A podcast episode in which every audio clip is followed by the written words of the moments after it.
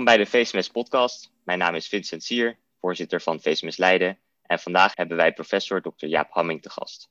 Professor Hamming heeft zijn studie geneeskunde en promotieonderzoek afgerond in Leiden. Waarna hij vervolgens in Rotterdam werd opgeleid tot chirurg. Het was aandachtsgebieden de vaat, endocrine en laparoscopische chirurgie. Hij is reeds meer dan 15 jaar subafdelingshoofd vaatchirurgie in het LUMC. Bovendien heeft hij naast andere aanmerkelijke nevenfuncties jarenlang ervaring opgebouwd als opleider en is hij een van de grondleggers van het competentiegerichte opleidingsplan Heelkunde. Welkom, professor Hamming. Dankjewel. Wat een uh, ontzettende indrukwekkende lijst aan bezigheden. Wat mij voornamelijk opviel, um, was uw passie voor onderwijs en opleiding. Hoe is dat uh, zo ontstaan? Um, ja, dus moeilijk, te, moeilijk precies te zeggen. Ik denk dat dat te maken heeft met uh, uh, interesse om met andere mensen samen iets voor elkaar te krijgen. Dat, dat is belangrijk. En het feit dat ik zelf tijdens mijn eigen opleiding allerlei dingen zag gebeuren waarvan ik dacht van hé, hey, uh, dat zou volgens mij ook best op een andere manier kunnen. En waar daar gaat het met name om hoe je dan met elkaar cultuur ontwikkelt van goed werken, uh, hoe je elkaar helpt om dingen te doen. En ik denk ook dat de interesse bij mij ligt in het feit dat je zelf ziet dat je maar een korte uh, onderdeel uitmaakt van het hele spectrum van de chirurgie. En dat uiteindelijk de mensen na jou het allemaal weer moeten gaan doen. Dus als je die mensen goed kan helpen om een goede chirurg of een goede medisch specialist te worden, uh, dat dat dan wel heel erg de moeite waard is. Um, wat vindt u dan uh, belangrijke kernwaarden? Ja, belangrijke kernwaarden zijn, zijn denk ik um, eerlijkheid. is ontzettend belangrijk voor een medisch specialist. Uh, niet de dingen verdoezelen. Andere belangrijke kernwaarde is dat je je collega's helpt en steunt daar waar ze die steun nodig hebben. En daarmee is dus eigenlijk gezegd dat het, het gezamenlijk het werk doen, met teamwork. En dan niet alleen het, het samenwerken, maar ook de team spirit vind ik hele belangrijke uh, kernwaarden daarin. Maar een andere belangrijke kernwaarde die vaak nog wel eens vergeten wordt in de, in de geneeskunde is eigenlijk iets als uh, discipline. Want uh, je kan eigenlijk alleen maar goed met elkaar werken als je ook met elkaar de dingen die je afgesproken hebt, dat je die ook nakomt. Uh, want anders wordt het heel ingewikkeld om in die complexiteit waarmee we elke dag werken, om dan het werk goed voor elkaar te krijgen. En hoe komt dat dan terug in de huidige opleiding? Uh, ja, al die dingen komen heel erg sterk terug doordat je veel met elkaar in gesprek bent over de dingen hoe die gaan. Uh, dus je hebt zowel inhoudelijke gesprekken met elkaar over de zorg die je verleent, tussen uh, de reflectiviteit van met elkaar praten over de patiënten die je behandeld hebt, is een hele belangrijk onderdeel. En feitelijk natuurlijk in de opleiding zelf, is dat je individueel één op één met de assistent of met, de, met degene die opgeleid wordt tot chirurg, dat je daar één op één geregeld praat om met elkaar te bepalen hoe de dingen zijn gegaan die je met elkaar hebt gedaan. Bijvoorbeeld uh, feedback geven na een operatie, die operatie doorspreken en met elkaar de kritieke punten tijdens zo'n operatie doornemen, wat ieders rol was op dat moment, en om te kijken of een assistent die in opleiding is, of die dat ook zo ziet, hè, dat dat belangrijke momenten waren, uh, en hem daar dan ook verder in te coachen en te zeggen wat dan misschien punten zijn om aandacht aan te besteden. En dat is inderdaad dus, denk vooral een schets van de huidige situatie. Als we dat dan terug zouden voeren naar hoe het vroeger ging. Um, wat voor ontwikkelingen heeft de opleiding heelkunde uh, in die tijd doorgemaakt? Ja, vroeger was het natuurlijk, um, was het natuurlijk heel eenvoudig. Um, je ging gewoon werken en dan uh, deed je gewoon wat de baas zei. En uh, als je er niet uitkwam, probeerde je er toch uit te komen, omdat je de baas zo min mogelijk lastig wilde vallen. en eigenlijk was het zo dat je niks hoorde als het goed ging. Pas als het niet goed ging of als ze niet tevreden waren, dan werd je op de kamer van de baas geroepen. En dan kreeg je even te horen wat er wel niet, wat, met name wat er niet goed was. En dan uh, ging je weer verder. Dus uh, ja, dat was een, een, tamelijk eenvoudig soort van leven en opleiden, zeg maar. En dus het, het, moeilijke was om, om zelf ook een beeld te krijgen van hoe je eigenlijk functioneerde. Maar je kwam er vrij snel achter dat als je niet op je donder kreeg, dat het dan over het algemeen wel goed ging. Ja, dat is zeker een andere manier van opleiden dan, dan nu. Um, als we dan gaan kijken naar het vakinhoudelijke en dan in het bijzonder naar de vaatchirurgie, um, dan is het toch een deelgebied dat een enorme ontwikkeling heeft doorgemaakt. Hè, van het open procedures naar vooral endovasculaire technieken. Wat voor invloed heeft dat eigenlijk gehad op de opleiding tot vaatchirurg?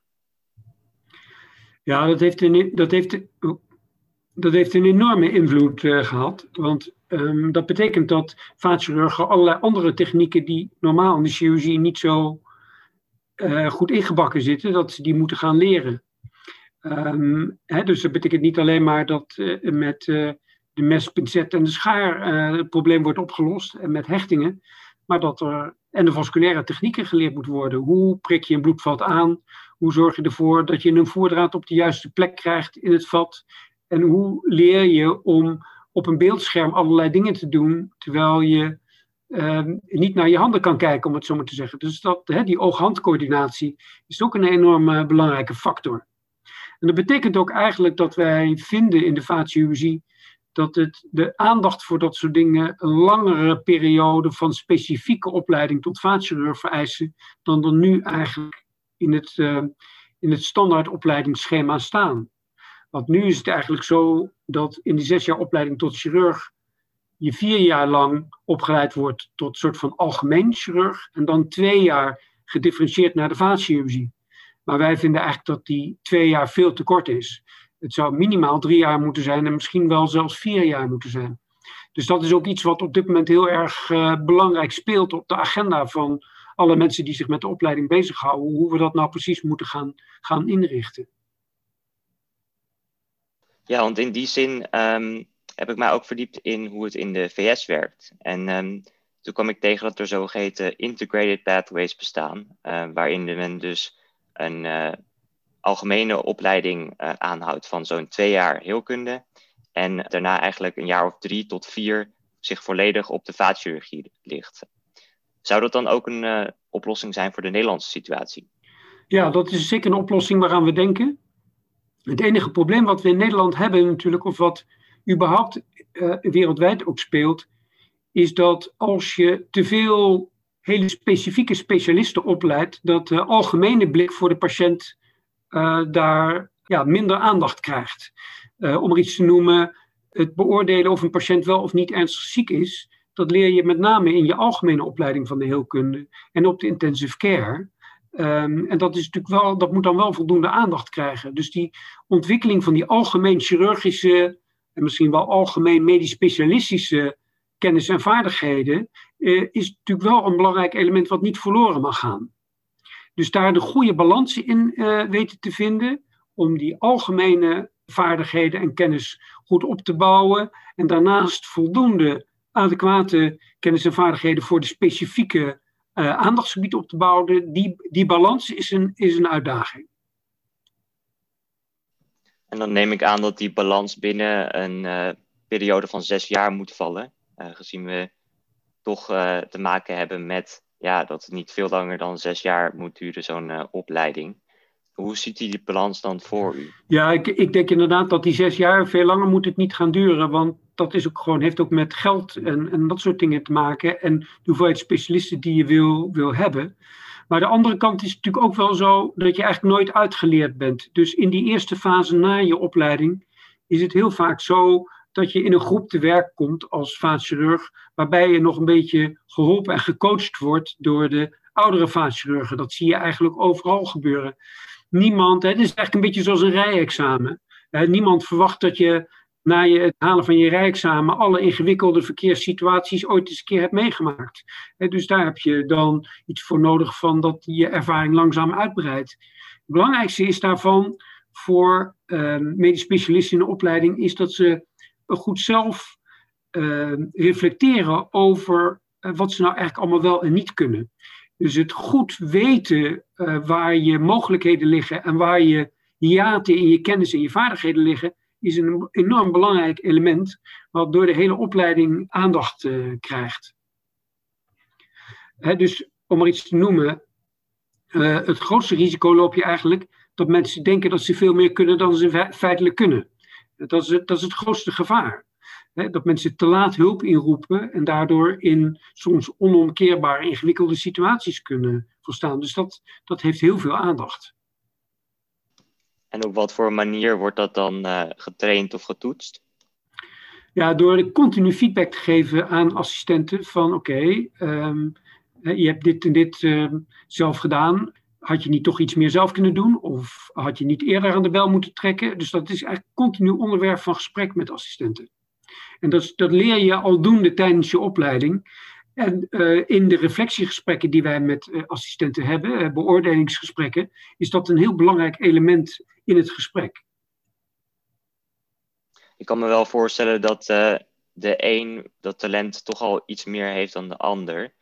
Is dat dan ook iets waar jullie naar kijken bij de sollicitatieprocedures? Ja. ja. Expliciet kijken we daarnaar bij de sollicitatieprocedure. Dat is onderdeel van het, de kenmatchcapaciteiten uh, professionaliteit. Hè? Dus een van die bloemblaadjes van, die, van, dat, van het kenmatchprincipe. Goede professionaliteit betekent dat je heel goed kan reflecteren over dingen die je wel en niet uh, weet. En dat je daar op een goede manier mee om kan gaan. Uh, assistenten die nog niet in opleiding zijn, die klinisch werk verrichten, die worden met name ook daarop heel scherp in de gaten gehouden. En mensen die dat niet goed kunnen of daar weinig talent voor hebben, ja, dat zijn niet de mensen die hoog scoren bij een sollicitatieprocedure. Ja, want we noemen het eigenlijk even al dat zo'n annualsperiode toch best belangrijk kan zijn. Ja. Nu heb ik begrepen dat er in het LUMC ook zogeheten schakeltrajecten zijn. Hoe um, wordt ervoor gezorgd dat er tijdens die schakeltrajecten daar ook genoeg aandacht voor is? Ja, dat, dat gaat eigenlijk toch redelijk automatisch. Waarom? Omdat iedereen zich beseft, als die schakelperiode betekent dat je eigenlijk feitelijk, als je dat goed doorstaat, dat je daarmee het recht krijgt om direct deel te nemen aan de sollicitatieprocedure zonder aannemerschap, dan wordt dat natuurlijk heel scherp beoordeeld uh, tijdens dat uh, schakeljaar. En er wordt heel scherp naar gekeken. Wat natuurlijk altijd tricky is, is dat je moet hopen dat de opleiders die die schakeljaren beleiden, dat die dat ook op een hele goede en scherpe manier doen. Maar dat is iets waar je elkaar onderling ook wel stevig op aanspreekt, dat dat gebeurt. En ik denk dat alle opleiders die zich bemoeien met schakeljaren, zich heel goed beseffen dat dat uh, hele belangrijke en essentiële onderdelen zijn van dat schakeljaar. En als we het dan weer um, even terugbrengen naar de vaatchirurgie mede door die ontwikkeling van uh, endovasculaire procedures um, worden natuurlijk ook een stuk minder open procedures uitgevoerd. Hoe wordt daar rekening mee gehouden in de opleiding? En um, zorgt het er ook niet voor dat er te weinig kennis en ervaring is op dat gebied? Ja, dat is zeker een risico. Dat is ook onderdeel nu van een uh, projectgroep binnen de Nederlandse Vereniging voor Vaatchirurgie om te kijken of niet bepaalde zeg maar open operaties, hè, dus niet endovasculaire operaties, zoals het, het corrigeren van een uh, aneurysma van de abdominale aorta, om iets te noemen. Wat vroeger natuurlijk altijd open gebeurde, dus alle vaatchirurgen, zeg maar uit mijn generatie, die kunnen dat allemaal uh, nog heel goed. Maar de jongere generatie heeft veel minder exposure. En de vraag is dus of dat soort operaties niet veel meer geconcentreerd moeten worden in een beperkt aantal ziekenhuizen. En daar wordt nu een soort van plan voor opgesteld om toch naar een verdere concentratie van dat soort chirurgie uh, te komen. En op uh, wat voor manier wordt dat dan gedaan? Ik kan me best voorstellen, het is een vrij acute ingreep. Um, er wordt voor gezorgd dat iedereen alsnog de, de toegang krijgt tot de, de, zorg die benodigd is. Ja, het zal toch er naartoe gaan dat niet meer in alle ziekenhuizen acute aneurysma's worden opgevangen. Dus dat betekent dat ambulances niet meer naar alle ziekenhuizen zullen rijden. En zal dat met name wordt dat regionaal georganiseerd. Dus hè, de, de, alle uh, gremia die gaan over de regie over de acute zorg, die praten daar met elkaar over hoe ze dat moeten inrichten. Het andere is, is dat uh, zich ook steeds meer regionaal organiseren en ook in andere ziekenhuizen opereren. Zo opereren wij bijvoorbeeld uh, samen met de uh, vaatchirurgen uit het Westeinde ziekenhuis, uit het HMC, opereren wij in elkaars uh, ziekenhuis en doen ook met elkaar dienst. Dus daarmee heb je natuurlijk ook weer dat je zorgt dat die groep vaatchirurgen die ervaren is met dat soort dingen, dat die, ja, dat die overal toegang hebben en die patiënten kunnen behandelen. En daar zal het meer en meer naartoe gaan. En daar zal je dus ook zien dat in de komende jaren uh, die uh, aantal chirurgen wat zich specifiek richt op die behandeling van die open procedures, dat dat een aparte uh, groep wordt die, die dat dan nou, in ieder geval op zijn minst helpt in een ander ziekenhuis, maar misschien ook wel voor een belangrijk deel gewoon allemaal zelf uitvoert. Ja, want u noemt het eigenlijk al. Betekent dat dan dat een deel van de vaatchirurg van de toekomst geen open operaties meer zal uitvoeren? Ja, dat is, dat is waarschijnlijk. Ja, dat dat zo zal gebeuren. Dat je daar een onderscheid in zal maken. Dat mensen, dat vaatchirurgen meer zich, sommigen zich meer richten op de endovasculaire chirurgie en anderen zich weer meer richten op de open chirurgie. Waarbij we wel zullen proberen om altijd een voldoende kruisbestuiving te houden. Om te zorgen dat de kennis en de kunde op het gebied wel breed genoeg blijft. Maar zo kan je je voorstellen dat een vaatchirurg die meer uh, endovasculair is opgericht, dat die als die toevallig geconfronteerd wordt met een open procedure, dat die een chirurg die meer uh, op de open chirurgie is gespecialiseerd, daarbij vraagt om, om daarbij te komen helpen. We zullen wel zien inderdaad dat veel meer van die open uh, procedures steeds meer door twee vaatchirurgen zal, zal gebeuren, terwijl het in het verleden vaak door een vaatchirurg en een assistent zou zijn gebeurd. Ja, en toch noemt u dan wel dat het een, een soort helpen wordt. Um, betekent dat dan ook dat het ondenkbaar is dat er een endovasculair specialisme uh, wordt gecreëerd. Um, misschien ook wel in combinatie met um, de interventieradioloog. Nou, dat is zeker niet ondenkbaar. Dat, dat kan ook heel goed. Dat dat, dat, dat de toekomst is. Dat, dat is meestal niet iets wat je oplegt aan, aan uh, beroepsgroepen, maar wat zich in een beetje um, zeg maar normale evolutionaire ontwikkeling uh, moet ontvouwen. En dat betekent dus dat ja, specialisten uh, steeds meer met elkaar daarin moeten samenwerken en moeten elkaar moeten vinden om daar een goede weg in te vinden. Je ziet wel dat dat nu al gebeurt, maar je ziet het ook dat dat best wel soms nog eens een keer tot ingewikkelde discussies leidt. En soms zelfs in sommige ziekenhuizen ook wel tot conflicten leidt tussen radiologen en vaatchirurgen. Over ja, wie heeft het er nou eigenlijk voor het vertellen op dat gebied. Dus dat is nog niet iets wat, uh, zeg maar, um, ja, eventjes zo geregeld is. Want um, hoe komt het dan juist dat er niet meer wordt samengewerkt op dat gebied? Nou, ik denk dat er heel veel al samengewerkt wordt, maar het gaat natuurlijk ook over. Um, ja, wie gaat er ergens over? Hè? Wat, wie bepaalt, wie mag bepalen uh, wat er eigenlijk uh, gebeurt? En hoe, hoe voer je daar die discussie uh, met elkaar op? En in de periferie geldt natuurlijk ook nog een keer de financiële component. Als een uh, als normaal gesproken de radioloog gewend was om alle uh, endovasculaire procedures te doen. En die vaatchirurgen zeggen, ja, nou willen wij het ook gaan doen. Uh, ja, wie gaat dan daarvoor de gelden opstrijken voor die verrichtingen die daarvoor gedaan worden? Dus dat leidt wel tot, ehm, ja, dat kan je wel voorstellen, dat het geld gaat wel even discussie opleveren. Ja. Nee, dat is heel duidelijk.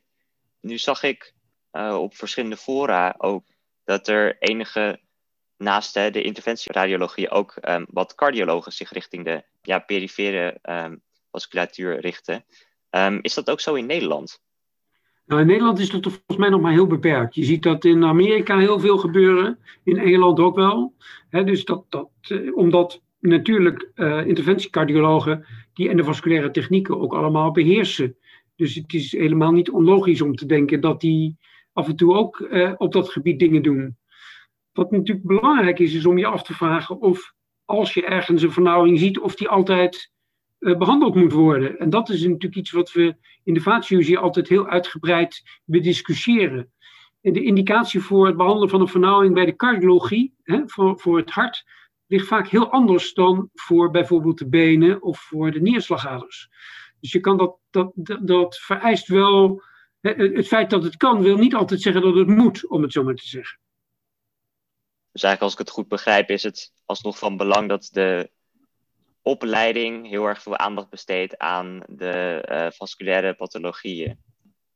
Als ik zou mogen vragen, stel dat u uh, opnieuw in opleiding zou mogen komen en er was inderdaad in uh, Nederland een soort integrated pathway waarin dus een stuk meer jaar aandacht wordt besteed aan de vaatchirurgie, zou u dan alsnog voor de algemene opleiding kiezen?